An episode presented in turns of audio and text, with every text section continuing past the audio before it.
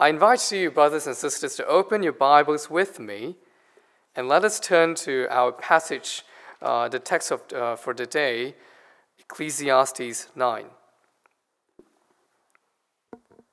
Today, our text uh, comes from Ecclesiastes 9, um, verses 1 to 12.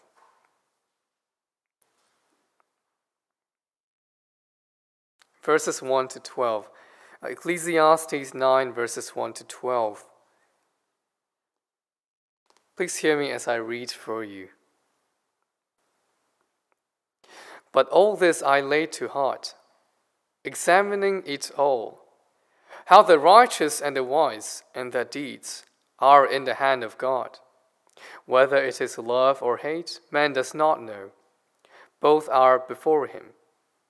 It is the same for all, since the same event happens to the righteous and the wicked, to the good and the evil, to the clean and the unclean, to him who sacrifices and him who does not sacrifice.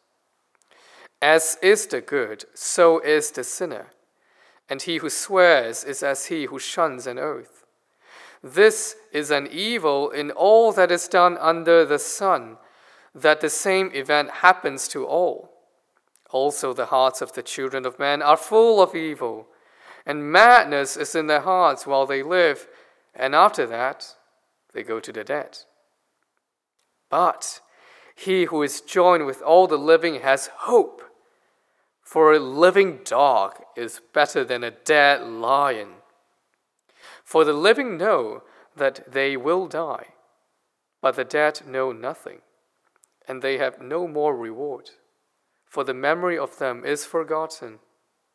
Their love and their hate and their envy have already perished, and forever they have no more share in all that is done under the sun. Go, eat your bread in joy, and drink your wine with a merry heart, for God has already approved what you do. Let your garments be always white, let not oil be lacking on your head Enjoy life with the wife whom you love, and all the days of your vain life that He has given you under the sun, because that is your portion in life and in your toil at which you toil under the sun. Whatever your hand finds to do, do it with your might, for there is no work or thought or knowledge or wisdom in Sheol to which you are going. Again, I saw that under the sun the race is not to the swift, nor the battle to the strong, nor bread to the wise, nor riches to the intelligent, nor favor to those with knowledge. But time and chance happen to them all. For man does not know his time. Like fish that are taken in an evil net, and like birds that are caught in a snare, so the children of man are snared at an evil time when it suddenly falls upon them. This is the word of God. There are many kinds of insurance uh, out there nowadays. For the kids who don't know what insurance is, let me just explain it to you quickly. Let's say you own a car. Cars are very expensive. If it breaks down, you need to pay a lot of money to get it repaired. So, what do you do? You go to buy insurance for your car. How do you do that? It's very simple. Someone, someone comes to you and say, pay me 500 bucks each year. And if anything happens to your car, I will pay for it.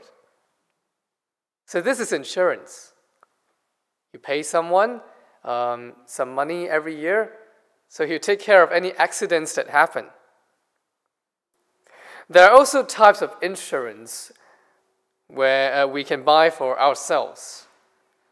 Uh, there are generally two kinds of insurance that we can buy for ourselves.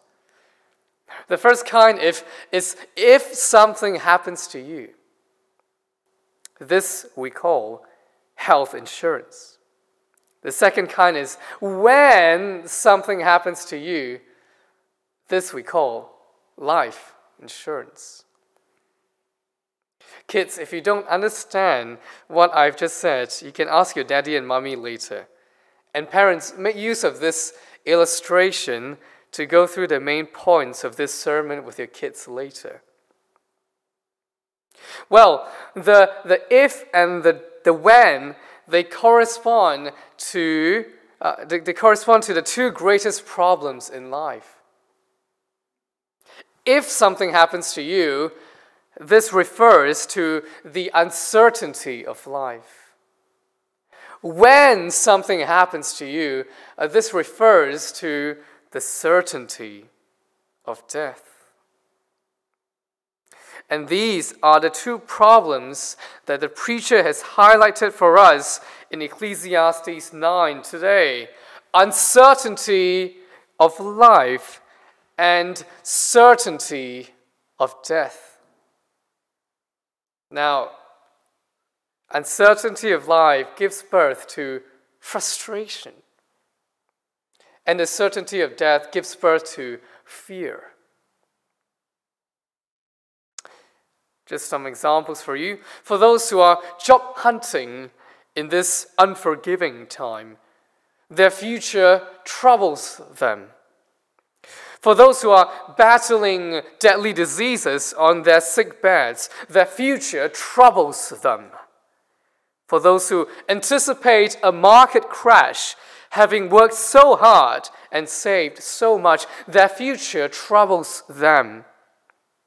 For those with parents and grandparents well in their 80s or their 90s, their future troubles them.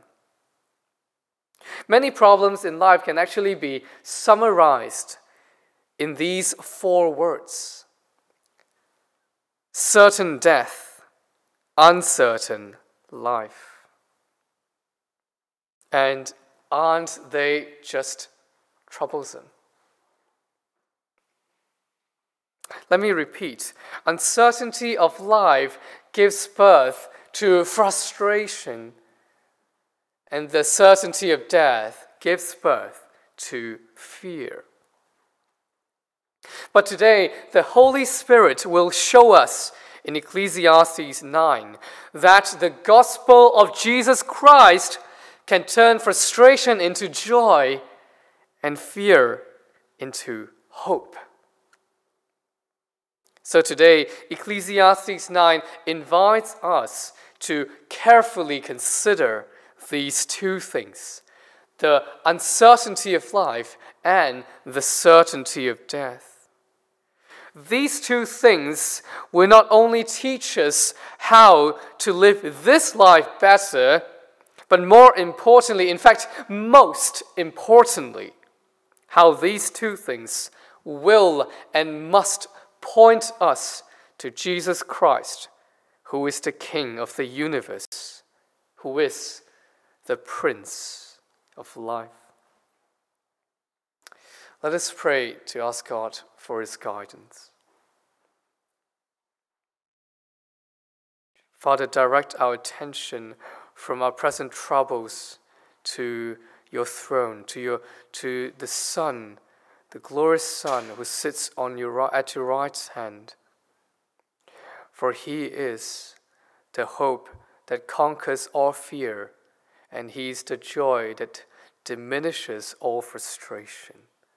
So please, uh, please help us now direct and guide our thoughts to consider your glorious truths. In the name of your Son, Jesus Christ, we pray. Amen. So, the first part of the passage tells us many things. Let us uh, look at verses 1 to 6. Firstly, uh, the preacher tells us that we are in the hand of God. Verse 1 But all this I lay to heart, how the righteous and the wise and their deeds are in the hand of God. Even when the preacher is almost driven to the point of despair by all these troubling questions of life, he does not forget or question his God. Because of that, he begins his contemplation on death by declaring the sovereignty of God. He's got the whole world in his hand. That's basically what the preacher is saying. While we understand God's sovereignty, we don't understand it fully. And this is our second point that man cannot grasp his sovereignty.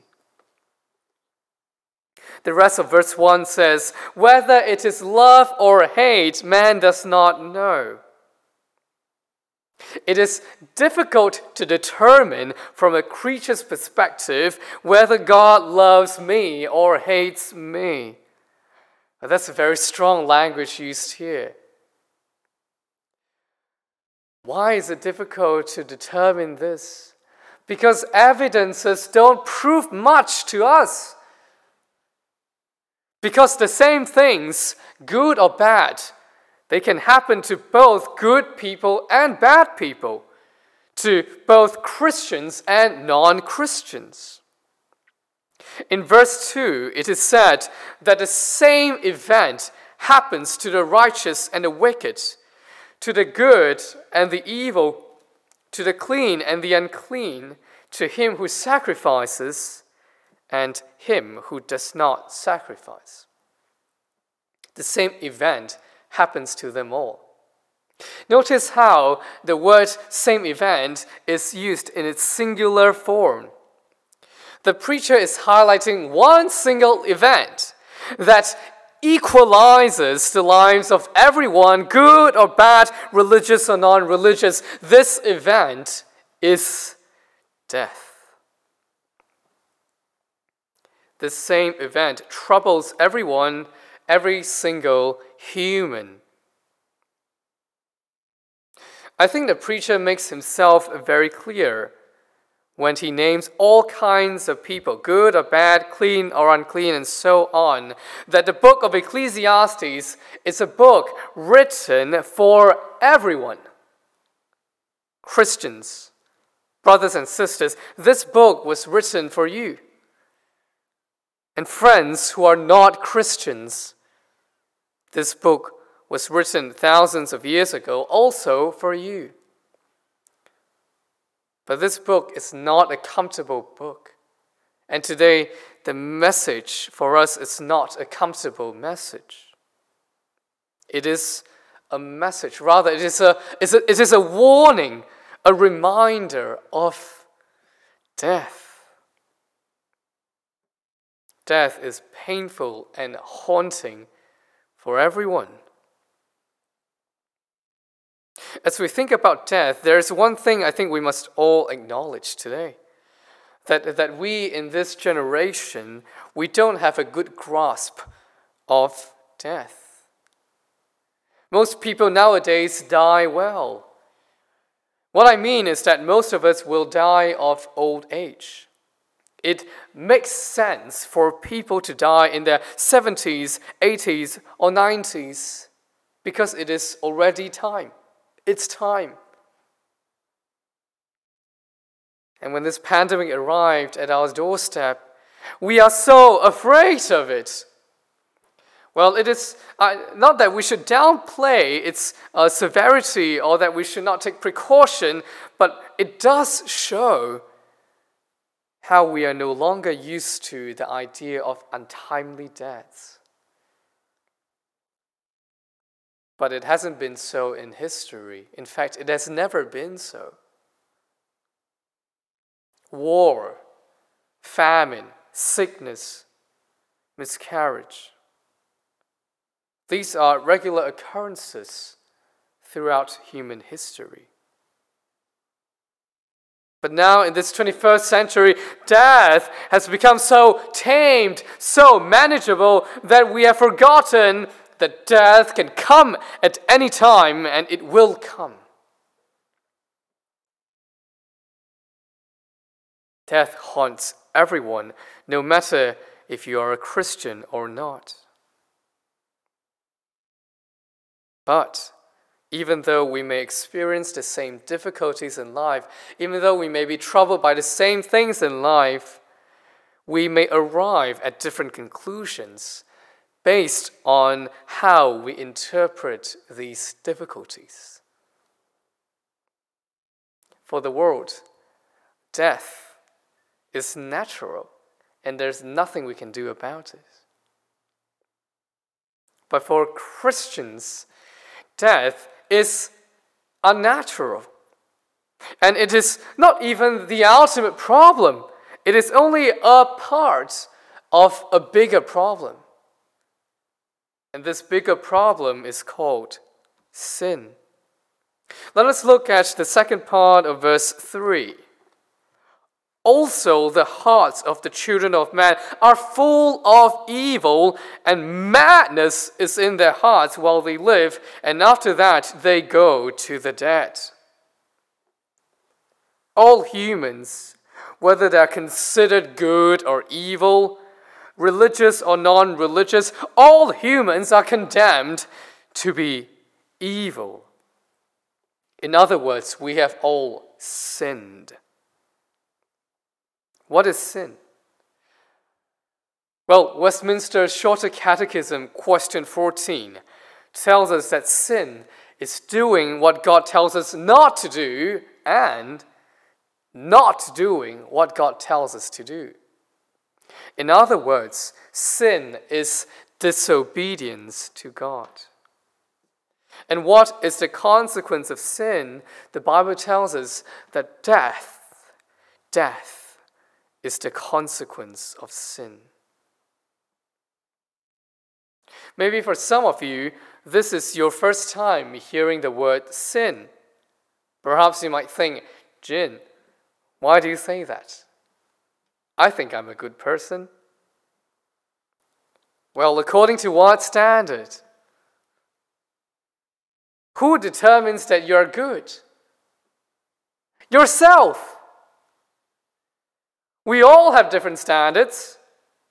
And according to our own standard, we are all good people.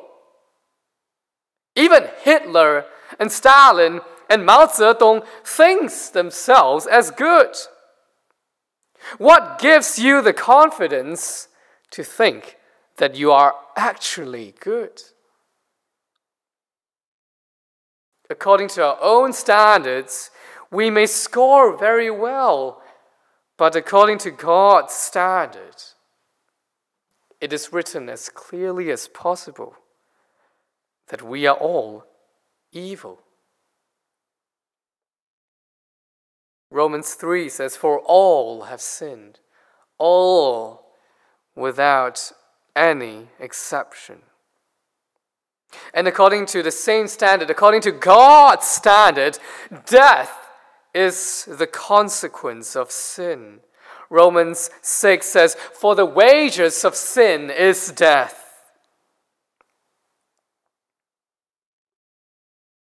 Death is the consequence of sin.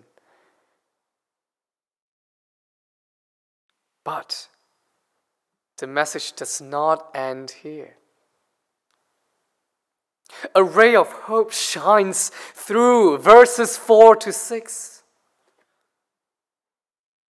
The ones who are living has, have great advantage over those who are dead because they can still know, still hope, still love, still hate, even still envy. See, verse 6 the living still have a share in all that is done under the sun.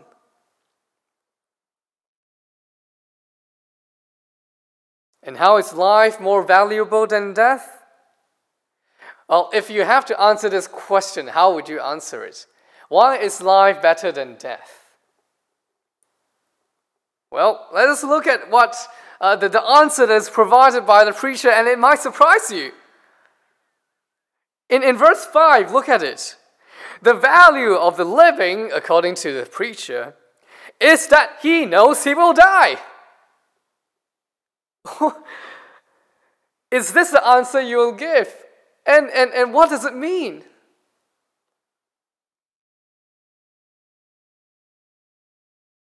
The knowledge of death presupposes the condition of life.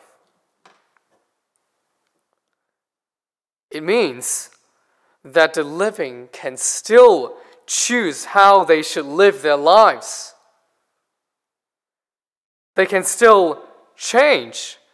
They are capable of responding to the truth. They are capable of rethinking their lives in light of death. Well, here's something hard to, to grasp, so please listen carefully. The value of this knowledge of death assumes that our actions have consequences. Let me repeat. The value of the knowledge of death assumes that our actions have consequences.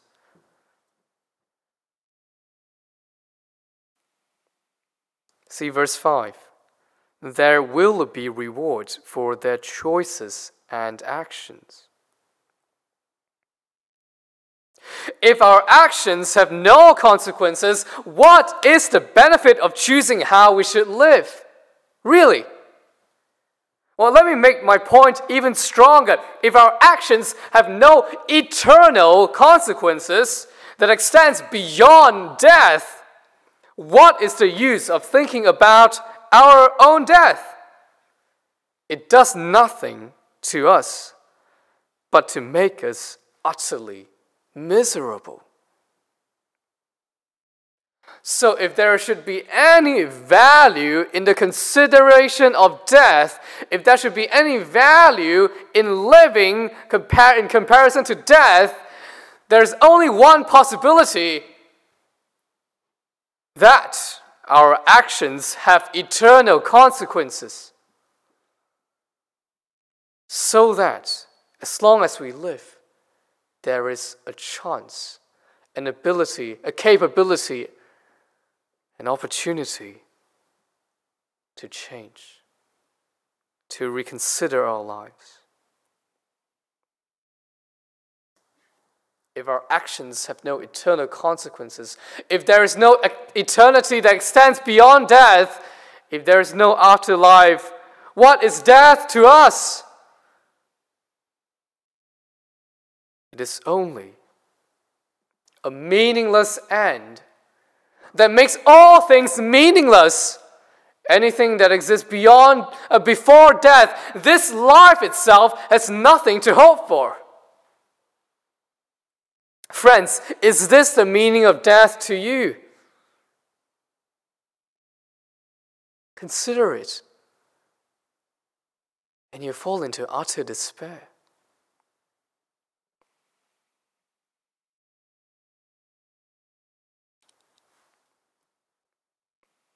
But verse 4 describes a completely different story. Verse 4 describes that living, living itself, is great hope. So much so that a living dog is better than a dead lion. Well, for Israelites, dogs are not cute, they are unclean. They are unlikable.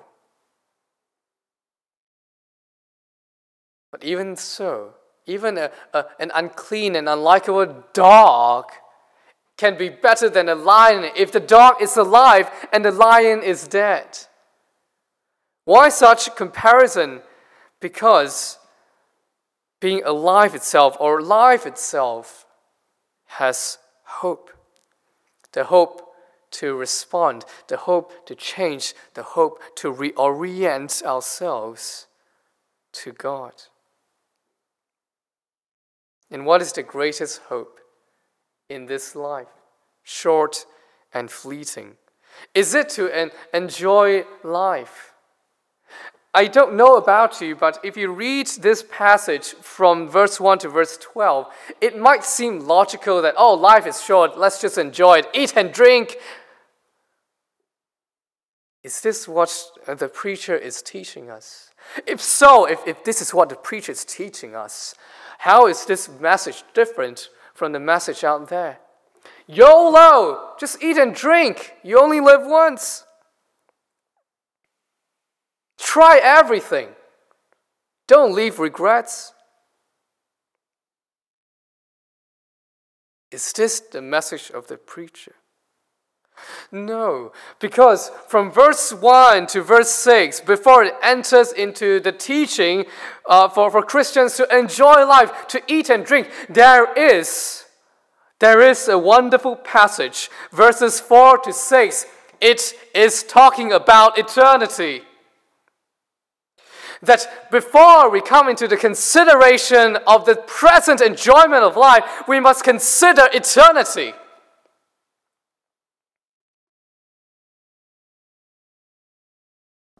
So, what is the greatest hope in this life? Why is living so good? Why is living so hopeful? What is the greatest hope in this life? Is it to enjoy life itself? No! It is to choose eternal life. To know that our actions have eternal consequences and to live in accordance to that wisdom.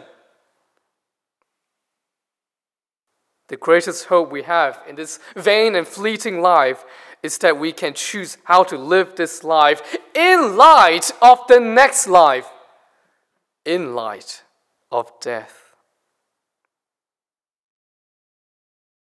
Death will come to you, death will come to me.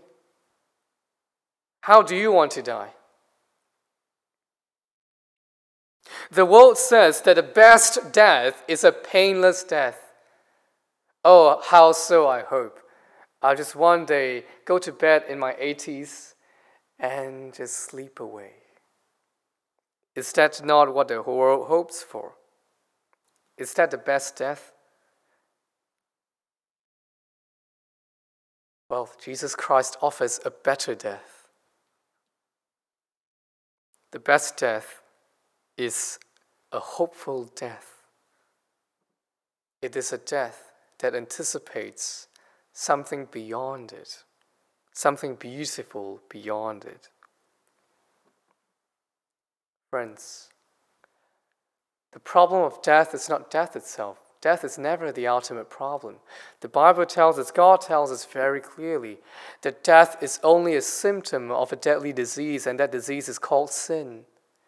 And there's only one way to solve the problem of sin that is by trusting and believing in Jesus Christ, who takes away the sins of the world by putting sin on himself and dying on the cross for us, taking our punishment, our shame, our guilt, and giving us new life, a perfect life, a life that extends beyond death. Friends, you will never, never be able to reconcile with your death until you have peace that you inherit eternal life. And that is freely offered to all who call out to Christ.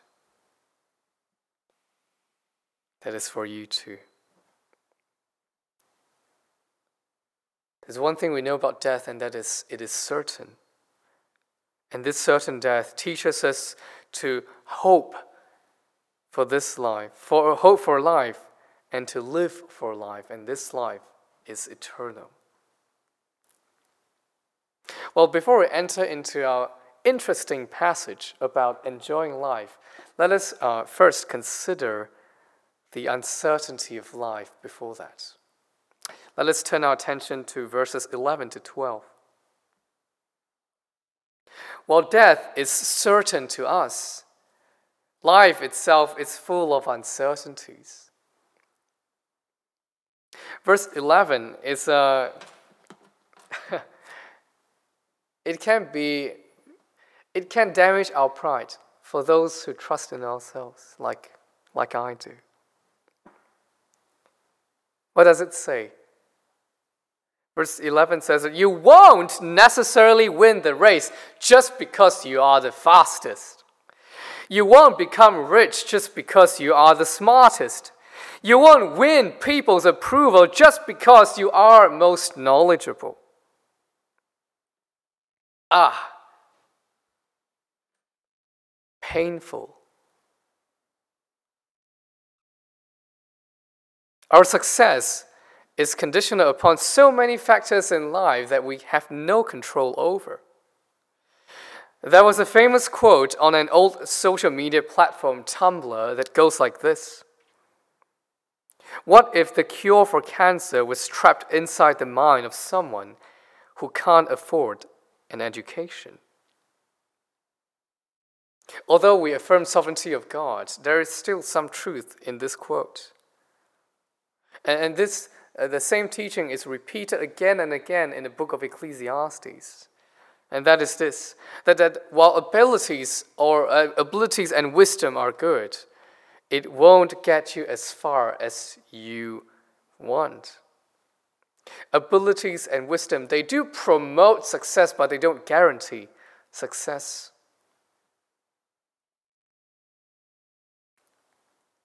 Here, the preacher tells us that abilities are not the only limiting factor in life, but that we are affected by time and chance.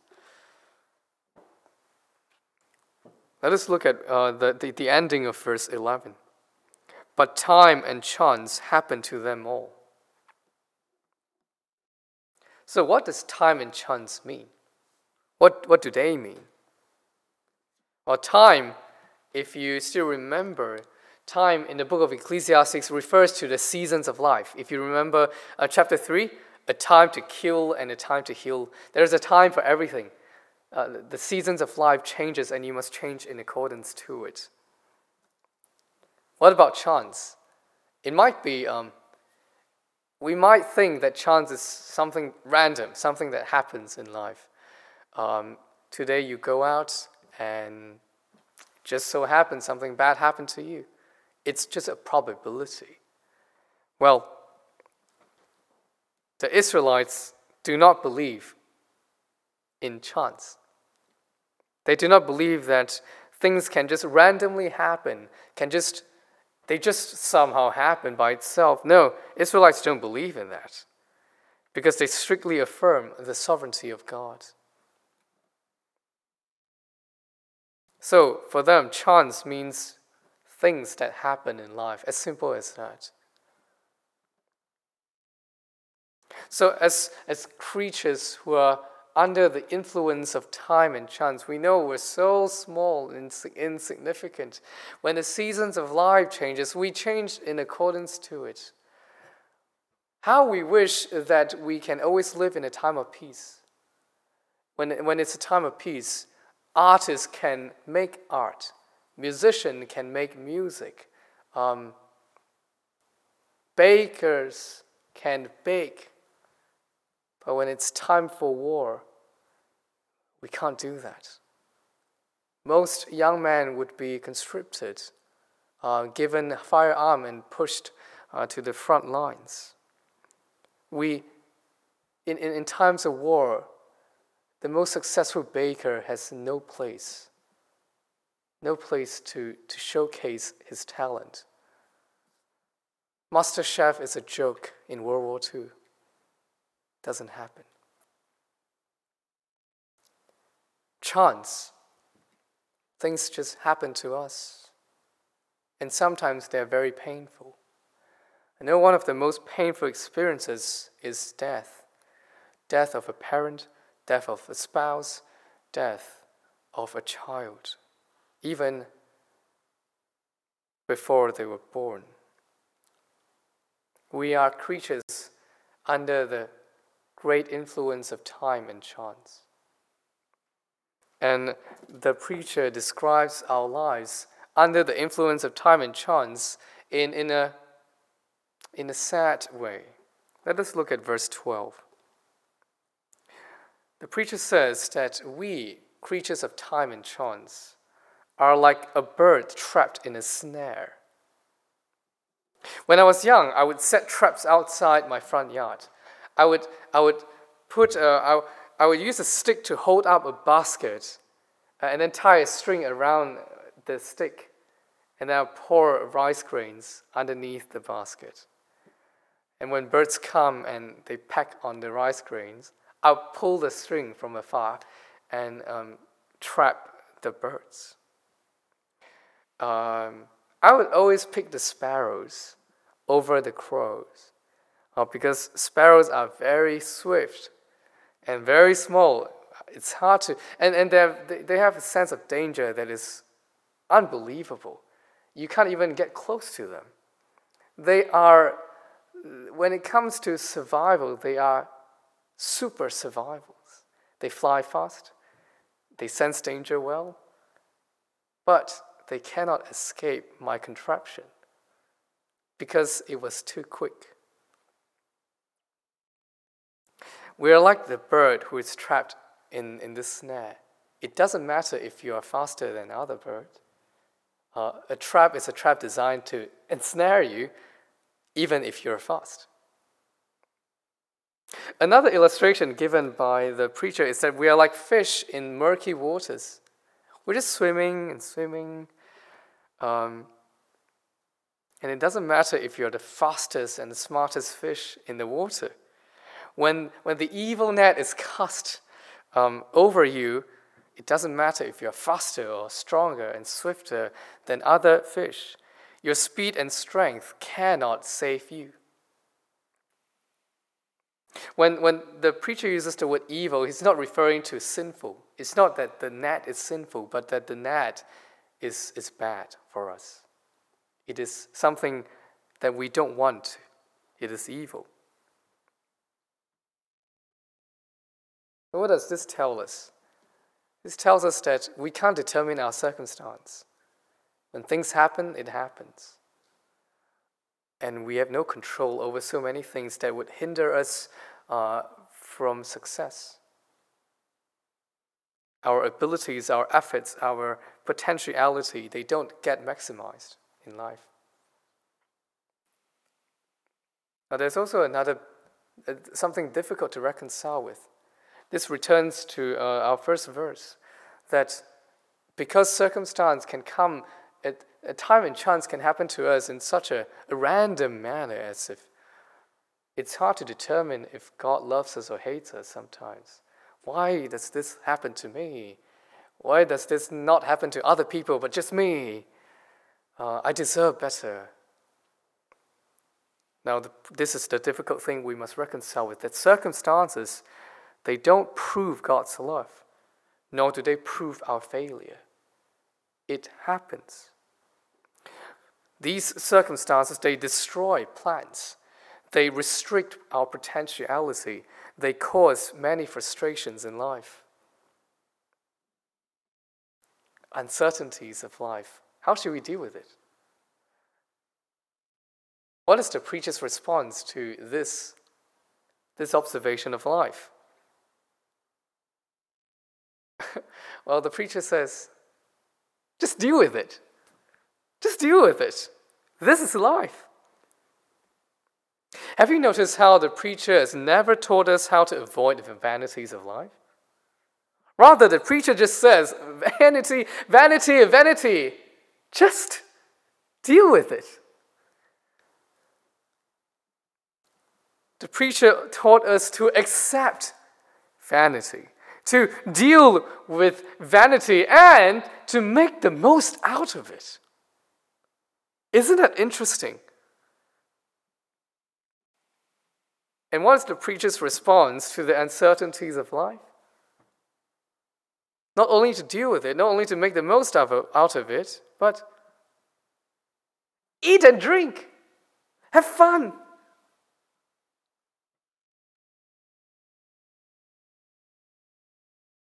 It is almost difficult for us to reconcile. Let us now turn our attention to verses 7 to 10. The middle part, or the, the meat of the sandwich. This is where we like to go to. Enjoy life with the one you love. Mm. That is the title uh, given to this part in the, in the ESV version. This is the preacher's approach to the certainty of death and the uncertainty of life. Eat, drink, have fun. Have you noticed that these are given as commands? You know, maybe you're not aware, but in the Bible, both the, the, the, Hebrew and the Greek language, there is a way to, there's a, there's a grammatical form, especially for commands.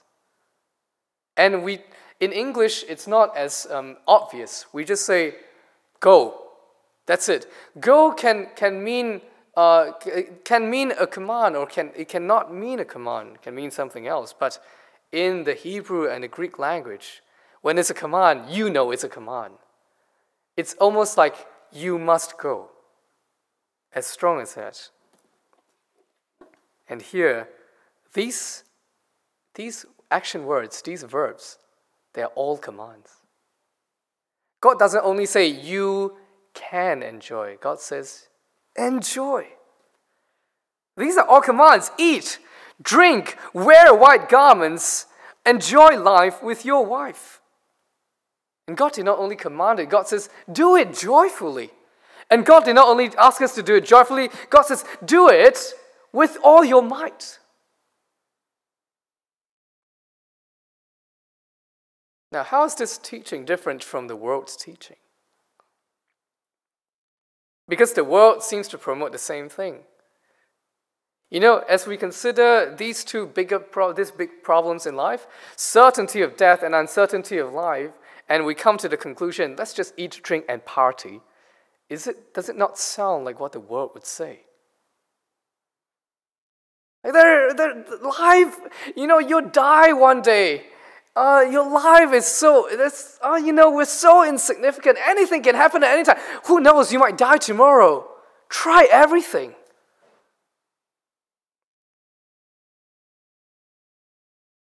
Well, when the world considers um, the joys of life, the world has two extremes. On the one hand, there is a, a version of godless pessimism that denies all meaning and purpose in life. They say, oh, eat and drink because there's no, there's no meaning in life. Uh, let me tell you how deceptively similar this teaching it is uh, in comparison to the truth. Let me tell you what they affirm that we also affirm. In fact, Ecclesiastes 9 itself affirms. They affirm the certainty of death. Yeah, we will die someday. They say, yeah, yeah. They also affirm the unpredictability of life. Anything can happen to you, and the preacher says, yeah, yeah. They also affirm the limitation of human beings. You know, there's so little we can do in life, there's so little we can control. Let's just enjoy. But let us be careful because while it is deceptively similar to the truth, there are some important, essential things that they do not affirm that is listed here in Ecclesiastes 9. The things they do not affirm are these they don't affirm God's sovereignty, they don't believe that the whole world is in God's hand, they don't believe in God's justice, they don't believe in eternity nor eternal judgment. What else? They don't believe in God's involvement in history. Things just happen. But God makes it, God, God involves himself intimately in the everything, in, in everything that happens in this life, so that meaning is instilled in every action, in every choice, and in every happenings. And by implication, these people, they also do not affirm human responsibility and meaning of life. See how, how different these two views are. Godless pessimism, meaning there's no meaning in life, let's just eat and drink. That is different from the preacher's view on life. When the preacher says vanity, vanity, vanity, it does not mean that life has no meaning, but that life is unpredictable, it's short, it's fleeting. We can't control it, we can't direct it, we can't predict it. Life is at it as it is. But even as we live in this life, vain as it is, we are called to actively pursue joy, not only as a something that's some, something a, a conclusion that is, yeah, there's nothing else we can do, so might as well just enjoy it. That's not that's not how we should arrive at this conclusion. But there's also another version uh, uh of, of a worldly teaching that is very wrong. In fact, it is the total opposite of what I've just presented. It is a, a godless optimism that thinks themselves as almost on par with God's. I can do everything if I believe in myself. If I work hard, put in the time and effort required, I can achieve what I want if only I want it. To believe that everything is controlled by us is in our hands. I have got the whole world in my hand. I just need to just need to reach out and seize it. Well, sad to shatter their, their, their, their optimism, that, but that is just not real. We know it. And it is also very clear in verses 11 to 12. The race is not, it's not won by the fastest. There, we can't trust in our talents, abilities, preparations, even efforts to ultimately bring us victory. So, on the one hand, we have pessimism, on the, the other hand, we have optimism, and they are both godless ideologies. So, in response to these wrong teachings, what should we choose? Should we choose pessimism? Should we choose optimism? No, the preacher invites us to choose realism, to choose what is real. And when it comes to spending money, I'm, I myself am a highly decisive, indecisive person. I think a lot before I buy.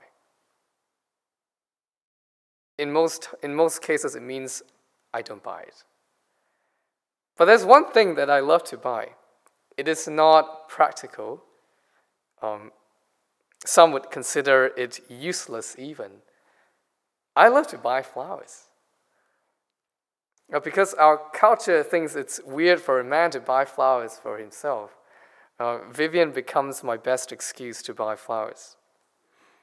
I know what some of you are thinking. Uh, Jin, why do you buy flowers? Uh, they will wither and die very soon. Well, I buy flowers precisely because it will wither and die. I know that fake flowers don't wither and die. But there is something innately beautiful about, about the flowers being real. Being real. The, the flower paradox is that we don't like it when flowers die, but we don't like it more when, it, when they don't. Um, we know death is uh, um, something regrettable, something undesirable, but the absence of death is nothing short of denying reality. If we love, if we love the, the, the, the appearance of flowers, we must accept its death. And it is the same um, for our lives. For example, it is the same way our, our car is better than our dream car because our car is real. Uh, you can drive it, you can make good use of it, you can even resell it at the appropriate time. But your dream car is fake, it is imaginative. So what if your car, the car you own cannot compare to your dream car? It is a real car. And so what if your car requires regular maintenance and repair and insurance coverage? All this is part of your car being real. Reality may not match up with our expectation, but it is good because it is real.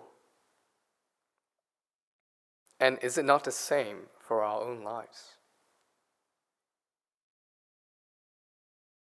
Joy comes by first embracing what is real.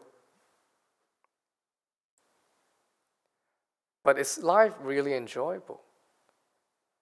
This morning, in, in, the, in the morning service, um, one of the prayer points um, listed by Brother Udit is, um, is, is a report on the suicide count in Victoria during this pandemic.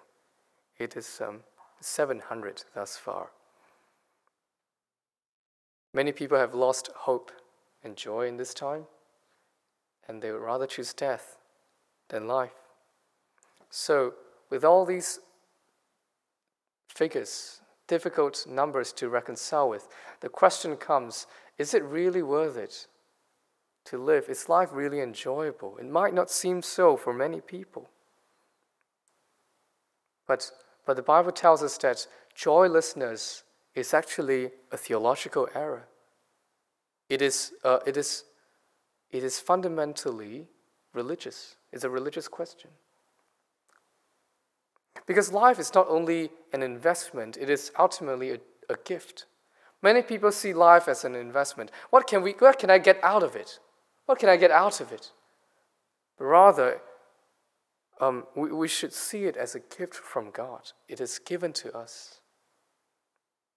The, it's like a son who inherits a huge inheritance $10 million from his father. And all he cares about is how can I make this $10 million into, two, into two, $20 million? So he spends all his life working so hard, and he dies young, and he did not enjoy even a dime of it. He, he was completely burnt out and he experienced no joy. Is this how we should see life? I don't think so. The Bible shows us that life itself is uh, not only a gift, it is a joyful gift. As we trace through the, the history of the Bible, we will see that joy is actually a very central theme in Christian faith. When God created Adam and Eve, God did not only tell Adam and Eve to not eat from the tree of the knowledge of good and evil, God commanded Adam to enjoy Eden. All the, the, this tree in this garden, the fruits from the trees, you may eat freely. You may surely eat. It was, it was an implicit command to enjoy life. Adam was created to, to obey and worship God in joy. But when Adam fell into sin, sin, sin corrupted all manner, all form of enjoyment. You can see how it is listed in, in, in, in Genesis. It corrupted um, um, food, corrupted his work, it corrupted his clothing, it corrupted his marriage.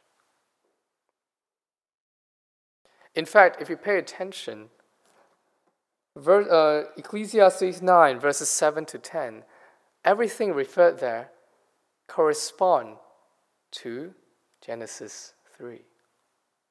Everything that was, that was mentioned to be corrupted by sin in Genesis 3 is listed here in Ecclesiastes 9. So, what does this tell us?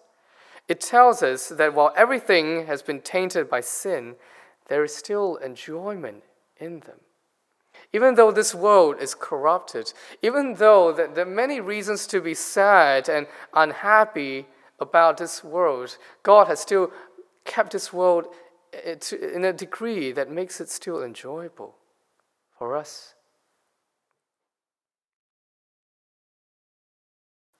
But the greater enjoyment is not these small things in life, but rather that we, when we receive Christ, when we know that we are, have been reconciled, uh, we, have been reconciled to God. God has reconciled us to Himself, and, uh, and we have an inheritance that cannot be taken away. We are able to stand on top of these promises to enjoy this life in its brokenness in the right way. We know that bread will not satisfy, but that is fine. We know that our satisfaction will be satisfied by God in the future. So while we wait for that, we may be happy and content with bread now, with wine now, with marriage now, because they are not our ultimate hope. This is not what we hope for. This is while we hope for the greater things, these are the things that God has placed in our lives for enjoyment.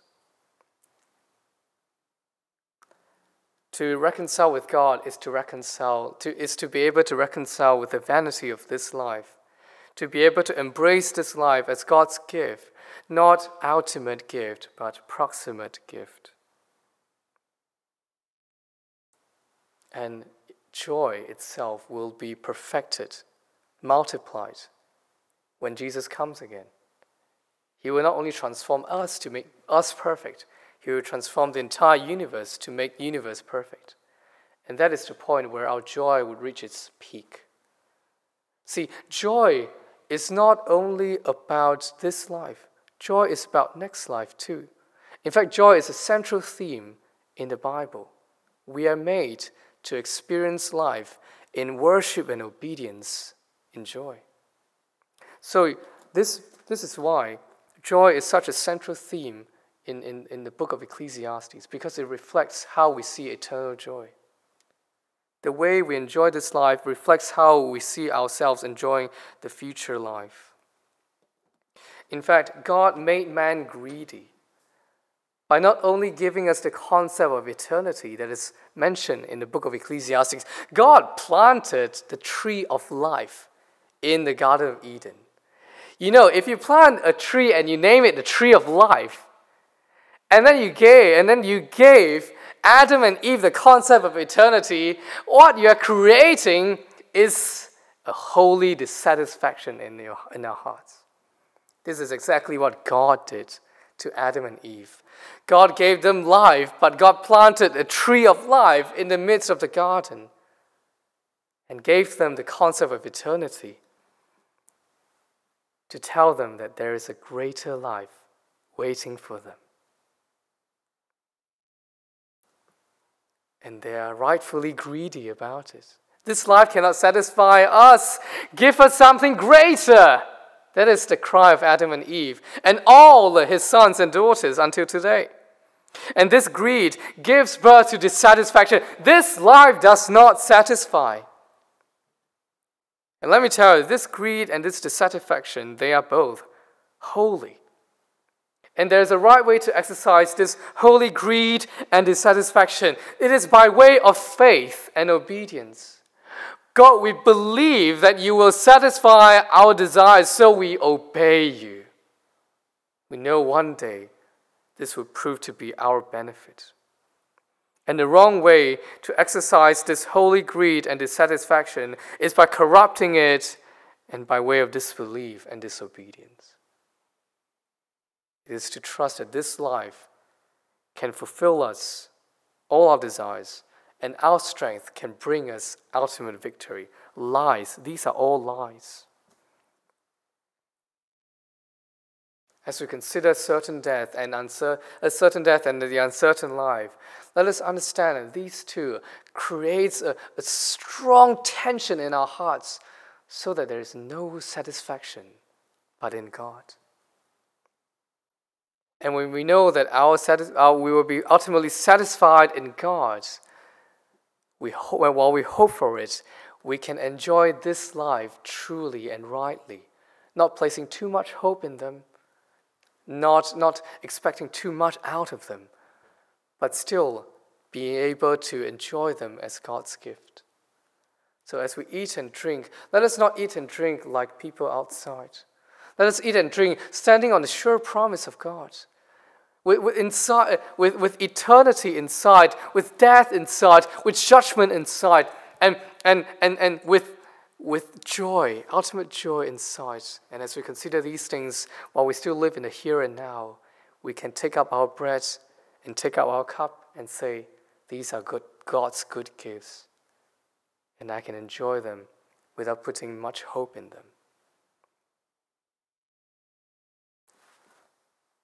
Without Christ, the certainty of death will only bring us fear, and the uncertainty of life will only bring us frustration. But with Christ, He can turn fear into hope and frustration into joy. And this joy and hope is an exclusive right of Christians for those who trust in Christ. This we give thanks for. And friends, if you do not know Christ, and if you are drawn by what I've just said to you, what I've presented to you, Christ can be yours too. He is the giver of life, and He has borne our sins so that we will not fear death. And that is the hope we have in Christ. Worldly enjoyment is not a distraction or escape from reality. Worldly enjoyment can be a testimony of us embracing reality in Christ. And that is our joy. Let us pray.